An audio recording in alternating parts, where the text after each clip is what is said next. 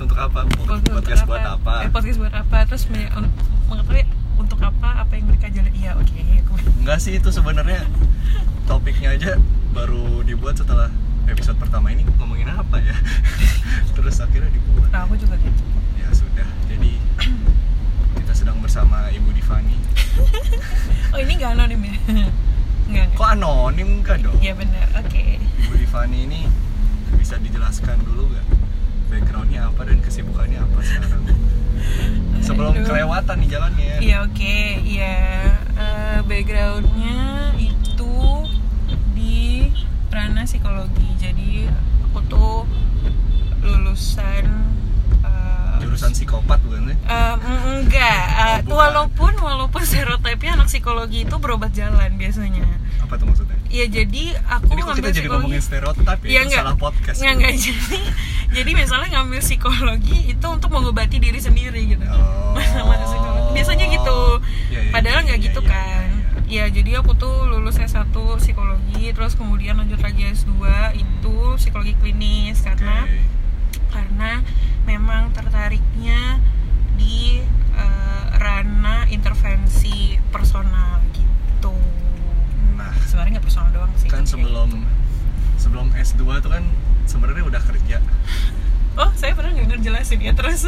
nggak apa-apa biar ini apa namanya memotong menuju kejunya Oke. wow, enak. iya jadi sebelum sebelum S2 kan udah kerja Mm-mm. Benar terus sebagai kenapa HR. sih harus harus ambil S2 psikologi klinik Nah, gitu. Eh, jalannya mana ya Enggak tahu. Eh, tapi saya sih tahu jalan ini, tapi nanti masih literally kan? pantu pancoran tuh belok kiri. belok oke ketahuan deh di mana Wow.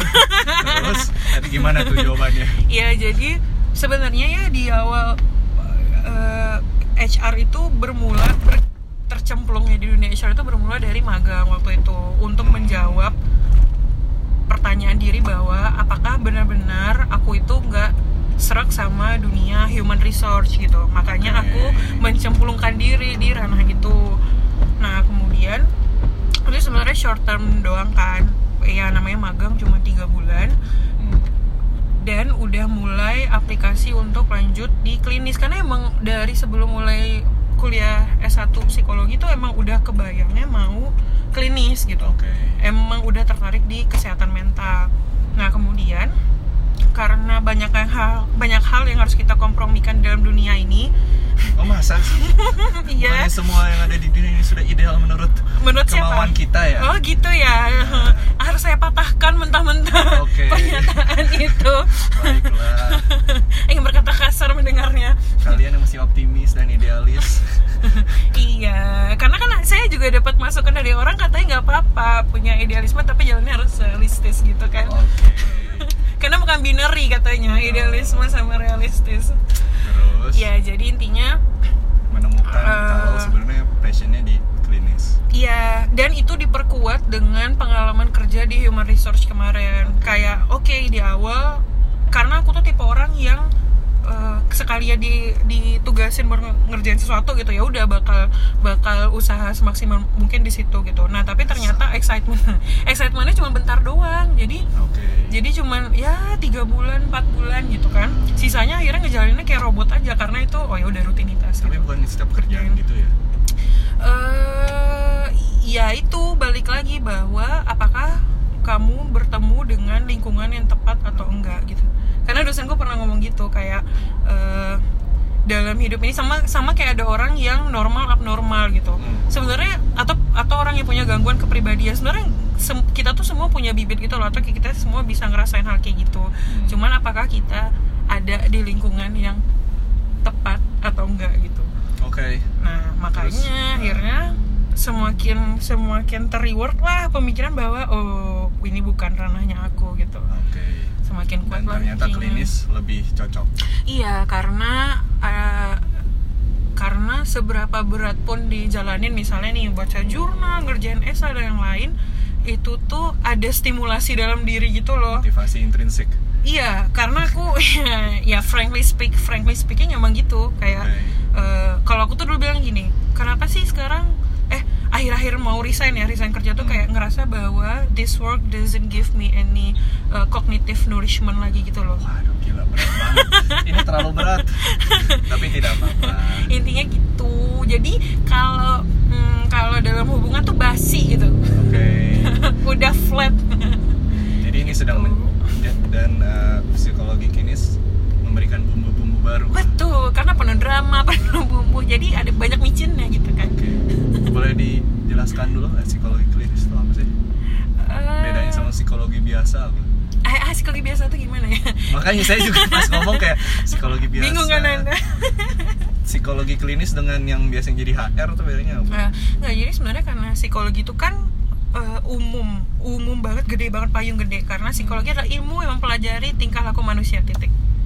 Oke. Tidak ada konteks ya kan. Oke. Nah, akhirnya terbagilah berbagai macam konteks. Kalau HR misalnya konteks in- eh, industri Oh, dan organisasi, kerja, ya. oke. Kemudian Saya baru sosial, ya misalnya psikologi sosial itu dalam komun eh, dalam eh, apa namanya kayak misalnya perkotaan gitu. Intinya komunitas dan masyarakat gitulah sosial. Hmm. Nah, kalau klinis itu lebih ke ranah terkait dengan kesehatan mental, kemudian eh, masalah-masalah internal manusia gitu loh terkait body mind dan Joker dan lah ya. Ini salah satu contoh nyata kasus Con- contoh nyata contoh kasus maksudnya Contoh ya ekspresi hmm, yang diamini banyak orang. Iya, iya, iya betul. Oke. Tapi maksudnya ada orang yang punya problem kayak gitu di dunia nyata ada. Oh, oke oke. Terus kenapa psikologi klinis itu penting? Eh karena karena oh saya bingung nih kalau ditanya gini. karena menurut aku pribadi ya eh, itu lebih kayak landasannya gitu loh. Itu tuh dasar dasar ya gini. Misalnya kita berperilaku sehari-hari. Kalau misalnya kita ada masalah di kantor gitu, Hmm. oke lah anggap ada problem di kantor dan organisasinya, dan kemudian itu berdampak ke kita internal kita gitu itu kan bukan ranahnya eh, orang HR atau orang PIO Oke. psikologi industri organisasi untuk mencari tahu ini karyawan gue lagi ada apa gitu kan maksudnya dia Oh, kenapa jadi kalau ya kayak gitu tuh HR sebenarnya bukan tanggung jawabnya mereka. enggak jadi HR itu notice misalnya dia kan bilang kamu kayaknya performanya turun deh kamu lagi ada problem HR tuh notice karena dia kalau misalnya yang backgroundnya psikolo- psikologi juga ya Hmm. tapi dia tapi bukan uh, kapabilitas dia untuk mencerita lebih lanjut ini orang ada problem apa gitu maka itu akan ke psikolog klinis Oke. Jadi mereka itu cuman kayak penunjuk jalannya aja sama pendeteksinya aja. iya iya gitu Oke. nah uh, Terus? kayak sama sama kayak kita misalnya hidup nih kayak gini macet dan lain-lain itu adalah daily hassles kan Oke. yang membuat kita jadi tertekan stres dan lain-lain itu kan termasuk ranah kesehatan kesehatan mental yang mana yang punya kapabilitas knowledge dan skill sana itu cuma di psik- eh, psikologi klinis Oke. agar manusia itu individu itu bisa kalau misalnya dia disfungsi gitu atau misalnya dia distress atau yang lain yang bisa ngembaliin lagi jalurnya ya sih psikologi klinis gitu karena Terus, emang ranahnya uh, dia gitu Apakah sekarang di Indonesia makin dibutuhkan ya, psikologi klinis ini? hmm, betul ini kayaknya bentar lagi nyampe kita selesai Oke. dulu aja ya aku Bentar belum lagi nyampe ya? Iya nggak apa-apa. Di alun kan? Di Agraha aku janjian jam 7 oh ya ini apa namanya? Bilangin kalau nyampe. Eh, di sela SPBU Oh langsung nyampe nih? yang mana ya? Tapi minggir dulu aja. Maksudnya selesaiin aja. Parkir aja nggak ada. oh ada sih. Parkiran masuk aja pak. Iya masuk aja. nih. Ini. Yang ini nggak di depan nih. Apa yang ini? Depannya Keluar. depannya iya itu pintu masuknya. Oke. Terus? Parkir aja. Oh ya apa pertanyaannya kenapa? Eh, apakah di Indonesia ini semakin penting? Hmm, Kayaknya nggak boleh masuk. kan? sesungguhnya itu penting banget karena Ini kantornya ruang guru. ini kantor kedua Oh. Eh, kok gua mau nyebut sih ya? Harus diedit dong. Malam, Mau ke Pak. ruang guru? ya parkir di mana Parkir. taman. Oh iya. Gini ada dua. Oke. Oke. Oh iya kamu nyebut ya. Iya. Padahal ini harusnya tanpa edit. Males ya. Gak apa-apa lah. Ke- Masalah nggak kalau gua masukin? Enggak. Ya udah. Kan nggak menyinggung apa-apa. Betul. Terus, Iya, apakah sebelum di Indonesia semakin bertambah Hmm, kasusnya? iya, kar uh, I have to say sebenarnya itu nggak cuma di Indonesia doang tapi globally Hmm. karena eh, karena biar biar kita kita kan sebagai penyedia jasanya nih Hmm. biar yang membutuhkan itu ngeh tentang kesehatan mental mereka dan individu intinya tuh kesehatan mental tuh sekarang udah jadi salah satu fokus perhatian gitu loh Oke. fokus perhatian makanya ada di SG SDGs dan lain-lain gitu kan SDGs? Eh, sus- sustainable Oh, development UN. Ya Oke. lagi menggalakkan gitu kan kesejahteraan well-being Oke. nya tiap individu dan di dalam itu ada kesehatan mental. Nah, eh, kenapa kenapa oh dengan dengan sini dengan itu kan eh, awareness kita juga semakin meningkat. Menurut aku di Indonesia tuh sekarang sudah sedang dalam tahap hmm, ke arah yang baik ya. Kayak tiap orang udah mulai sadar bahwa kondisi psikologis mereka penting, Hmm. kemudian kesehatan mental pen- mereka kesehatan mental mereka penting, harus didahulukan dan lain-lain. Nah, ketika itu sudah mulai eh, terbentuk mindset bahwa mental health itu penting, maka tentu sebagai penyedia jasanya juga harus terus menyesuaikan dengan dengan kebutuhan kan Maksudnya dan demand-nya nih iya udah demand udah mulai tinggi kan tinggi. maka eh, Supply-nya gimana? supply-nya supply-nya masih rendah banget Rendah sekali ya. bahkan untuk ningkatin demand aja maksudnya biar orang ngeh bahwa mental health penting dan lain-lain itu juga perannya orang-orang di psikologi klinis gitu mereka yang juga harus jadi kita tuh selalu bilang fungsinya tuh adalah promotif preventif kuratif kuratif itu ngobatin dan rehabilitatif balikin lagi gitu Oke. Nah itu fungsi-fungsi mendasar. Kalau promotif aja kita udah berperan di situ, kalau misalnya suplainya sedikit itu gimana? Demandnya bisa naik kan orang kita yang bertugas betul. nge-promote gitu. Berarti lebih parah lagi dong kalau demand-nya udah keburu banyak, supply-nya nggak ada. Betul. Dan sekarang gitu sih kondisi. Oh udah mulai banyak nih, jadi butuh lebih eh, Iya. banyak lagi Uh-uh. yang psikologi. Tapi kenapa psikologi klinis kurang nih supply-nya? Eh, sebenarnya alasan klasik itu karena lahannya tuh nggak subur. Kalau istilahnya Waduh, anak itu? psikologi itu ya kayak Itu kayaknya istilahnya pertanian. Eh, betul ya kan ada subur-subur ya Iya, kenapa atau jadi- objin gitu kan Iya. suburan Tapi kan objin lahannya apa ya? Mohon maaf. Ah, iya, betul ya. Rahim. iya bener-bener Terus? nggak nggak ibaratnya tuh gini untuk masuk ke ranah psikologi klinis itu banyak banget eh, layernya nggak Oke. bisa lulus S1 psikologi kemudian langsung jadi psikolog kan harus ada master master profesi kan dan dan lain-lain gitu jadi kayak menuju tahap aku bisa kontribusi di sini tuh kayak jauh gitu Dan susah. susah kan industrinya aja udah kecil gitu Hmm. dibandingkan aku masuk HR kayak aku lulus S1 company akan banyak banget yang mau narik aku karena kesempatannya ada banyak opportunity-nya Oke. ada banyak Jadi HR tuh semacam Tuh. kanibalis terhadap ini juga ya profesi-profesi psikologi lain yang lebih iya benar. Eh, jadi kayak eh, kayak karena HR itu jadi jadi bintangnya di psikologi akhirnya orang mikir ya udahlah HR aja gitu. Oke. ngapain susah-susah? Padahal kan sebenarnya sama pentingnya kan semua semua bidang. Itu maka dan ya ditambah lagi industri psiko industri kesehatan mental dan klinis itu sempit banget mungkin karena berkaitan sama awareness orang tadi kali kan dulu kan Hmm. masih tidak menjadi fokus perhatian bahkan dari dari eh, kebijakan-kebijakan eh, publik atau misalnya eh, isu-isu isu-isu nasional sosial kemasyarakatan dan lain itu juga jarang di Hmm. diangkat jadi ya udahlah nggak nggak nggak Oke. ternotis gitu. Nah tapi pada eh, tapi sekarang kenapa aku bilang menuju ke arah yang lebih baik tuh? Karena orang udah mulai banyak yang notice orang udah mulai banyak yang aware kemudian orang udah mulai banyak yang mencari akhirnya makin makin berkembang. Jadi Semua- secara secara sosial nih masyarakat Indonesia sebenarnya sudah dalam hal kesehatan mental sudah pada jalur yang tepat.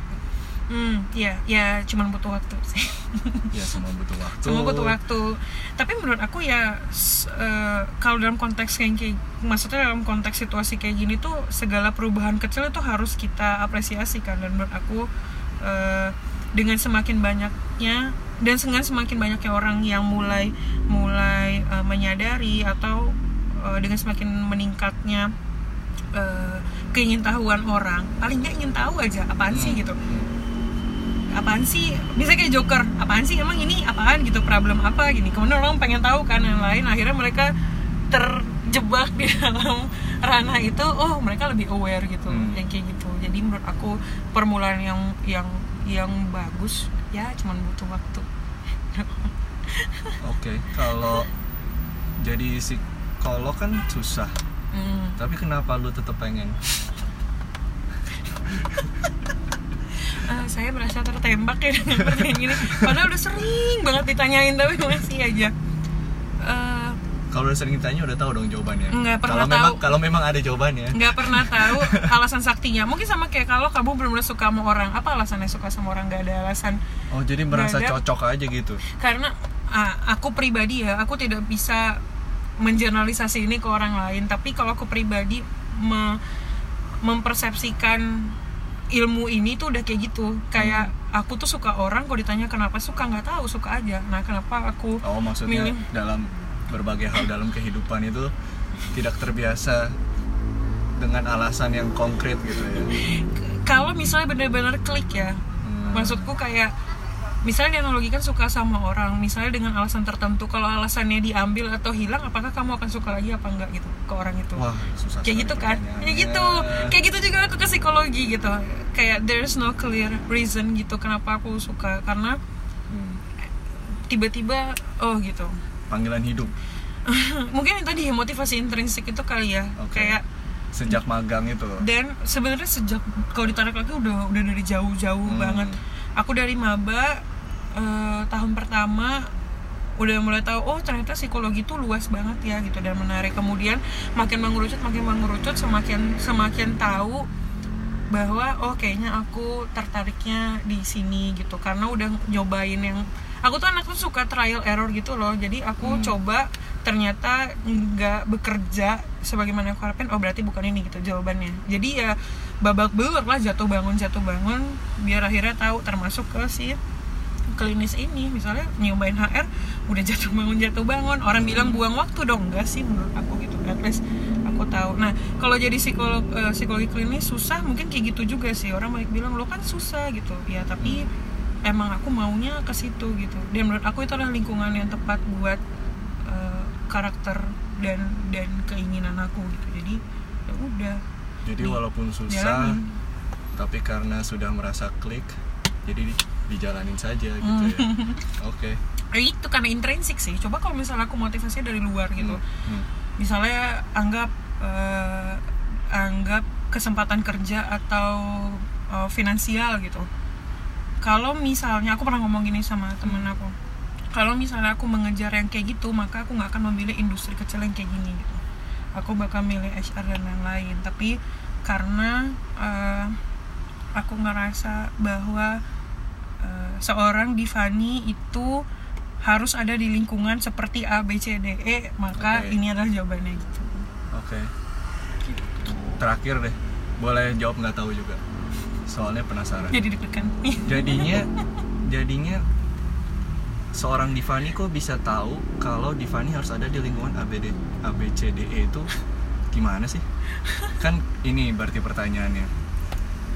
Eh, apakah itu passion dan dan eh, Divani sudah menemukan passionnya gitu? Hmm, ini juga bahasan yang kayaknya nggak akan pernah habis dibahas masalah Oke. passion. Kalau begitu. nggak nggak nggak, asli asli asli. Karena kalau menurut aku ya ada orang yang eh, terlahir maksudnya ada orang yang tahu passionnya apa kemudian eh, syukur syukur syukur dia berakhir di eh, lapangan kerja yang sesuai dengan passionnya gitu tapi Hmm. ada orang juga yang tahu passionnya apa cuman tidak berakhir di di Di- di bidang yang- itu gitu oke. atau ada orang yang bahkan nggak tahu passionnya apa gitu kan Oke. jadi ada kayak ada tiga gitu Dan Divani ada Tapi- di yang nggak aku sesungguhnya sebenarnya nggak tahu passion itu apa Oke. karena instead of work eh, sesuai kerja sesuai dengan passion kamu aku lebih memilih bekerja passionately gitu di Oke. apa pun Luar nah biasa. tapi tapi kalau kecuali misal HR Eh, kemarin udah passionately juga nih padahal Iya. tapi tetap memilih psikologi klinis Iya Oke. betul. Nah tapi itu sekarang aku tuh kayak lebih nih masalah passion atau enggak mungkin bisa jadi ya. Hmm. Cuman lagi-lagi aku bilang dalam hidup itu kayak ya nggak selalu sesuai dengan apa yang kita mau atau apa yang kita desain kan karena kita bukan desainer terbesarnya, desainer utamanya. Tapi kayak misalnya nih aku suka banget sama psikologi klinis tapi in fact aku nggak bisa eh, nggak bisa ngejalanin sesuai apa yang aku aku udah plan dan Hmm. lain-lain cuman ada alternatif lain kayak waktu itu misalnya aku sempat bingung masalah HR sama psikologi klinis kan Hmm. masalah aduh ini realistis atau idealis gitu Hmm. Nah tapi akhirnya aku berpikir bahwa lebih baik open minded aja. Kayak kalau misalnya pun aku berakhir di satu bidang yang mungkin tidak bukan non non psikologi klinis gitu. Tapi kan it doesn't mean that I cannot work or involve in any uh, clinical psychology gitu loh. Let's say ada misalnya value yang lebih dalam di dalam iya jadi kayak psikologi klinis. kayak misalnya aku tetap kerja contohnya misalnya di HR tapi kan nggak menutup kemungkinan bahwa aku tetap bisa berkontribusi atau memperdalam dan mengembangkan diri aku di psikologi klinis tapi dengan cara yang lain gitu. Karena jadi kayak lebih open mind gitu loh buka-buka buat opportunity opportunity lain. Karena aku ngerasa sempat narrow minded. Aku maunya psikologi klinis oke dari hasil self reflection nih. Aku tuh tahu juga mungkin aku tahu diri aku Hmm. karena aku sering refleksi diri. Sering banget oke. Ini bukan pijat ya maksudnya ya? iya bukan pijat atau yang gue massage gitu ya. Udah sering banget juga saya dapat gini. Tapi maksudnya kayak tiba sering banget standar 2020 masih. Jokesnya klasik banget aduh kan? mohon maaf. Tapi gitu misalnya tiba-tiba ngedemprak gitu di bahkan misalnya nunggu Transjakarta aja misalnya 10 menit. Terus mikir hmm, suka ke mana-mana gitu loh pemikirannya tapi lebih ke diri diri sendiri dan suka filosofis filosofis gitu. Tapi tapi nggak masuk jurusan fil- filosofi. Iya kalau nggak nanti saya kalau nggak ntar tambah parah lagi betul kebanyakan selesai mikir. nggak selesai selesai nanti. iya betul malah berpikir apa itu passion? Sesungguhnya sekarang udah mikir juga Oh, tapi juga tapi untungnya mikir. gitu untungnya untungnya nggak masuk filsafat kalau nggak jadi lebih mendalam. Oke. tapi gitu jadi at least aku tahu. Dan karena si trial error itu jadi aku tahu oh A aku nggak bisa B aku bisa C aku bisa D aku Oke. nggak bisa. Gitu. Luar biasa sekali. Walaupun eh, sepertinya ini terlalu serius tapi tahu lagi ngajakin aku ngobrol gini yang biasanya juga nggak pernah ya ini memang obrolan yang hanya terjadi pada podcast Benar. Anda kalau misalnya lihat kita dalam dunia nyata, dia bahas- tidak berguna untuk orang banyak baiklah sebagai penutup Padahal saya- anda lebih bisa kok daripada saya padahal. saya berikan anda kesempatan untuk mempromosikan Apa? Koma. kan anda punya podcast sendiri Oh, podcast punya sendiri. chan- eh, Di kanal. Instagram Oh. mulai dari podcast dulu lah Iya, jadi itu ini loh apa namanya narasumbernya keren loh terutama episode 5 dan 6 dua juga loh. Eh, tiga. eh episode saya episode berapa ya Tiga, lima, enam. 356 ya Iya, jadi... empat kan kurang bagus kalau feng shui Iya jadi 3, 5, 6 Ya, jadi ini apa eh apa ya i- itulah intinya. Enggak kayak yang aku bilang kan, kalau misalnya aku tidak berkecimpung pun di dunia psikologi klinis tetap banyak Oh. alternatif yang lain yang membuat aku tetap bisa eh, teri- melibatkan diri di psikologi klinis gitu. Nah, salah dua salah, salah duanya berarti. Mungkin maksudnya ini kali ya eh, melibatkan diri di yang berhubungan dengan kesehatan mental Iya, kesehatan mental, isu sosial isu gitu-gitu loh. sosial oke oke In general ya, tidak jadi selalu nggak harus klinis. profesinya itu untuk bekerja yang memberikan impact di daerah tersebut Betul, betul. Nah, yaitu eh, salah duanya aja. Ya, Oke. dimensionnya dua doang. Ya, Satu di Bugs. Satu di Bugs. Jadi aku tuh punya podcast bahasannya eh, macam-macam sih. Cuman kayak lebih lebih tentang isu-isu sehari-hari karena kan kadang orang banyak bisa kayak psikologi klinis kesehatan mental sosial dan lain tuh di kepala orang tuh berat-berat padahal Hmm. hal-hal simpel juga sebenarnya terkait dengan itu. Hmm. Nah itu di Dibax, Diba X ya, Diba X saya versus mereka karena mau eh, bisa didapatkan di podcast po- eh, di buka aja podcastnya. tempat podcast di mana anda mendengar podcast ini. Padahal Betul. pendengar anda lebih banyak dari saya. Ada di Spotify, ada di Anchor, ya bisa ditemukan ya. Terus yang kedua, aku juga lagi ngembangin satu komunitas komunitas sosial, yaitu tentang kesehatan mental pengembangan diri. Sih lebih tepatnya. Hmm. usaha mental dan pengembangan diri. Itu namanya PAUD ya pendidikan. Anak aku usia dewasa. Ah gitu ya wah. Boleh wah nanti saya pikirkan ya. Boleh boleh boleh. Nanti. Itu ada topik-topiknya kan per bulan kan. Terus ada kita bisa belajar. Iya kok kamu tahu sih padahal nggak buka? Kan tadi dijelaskan. Oh iya.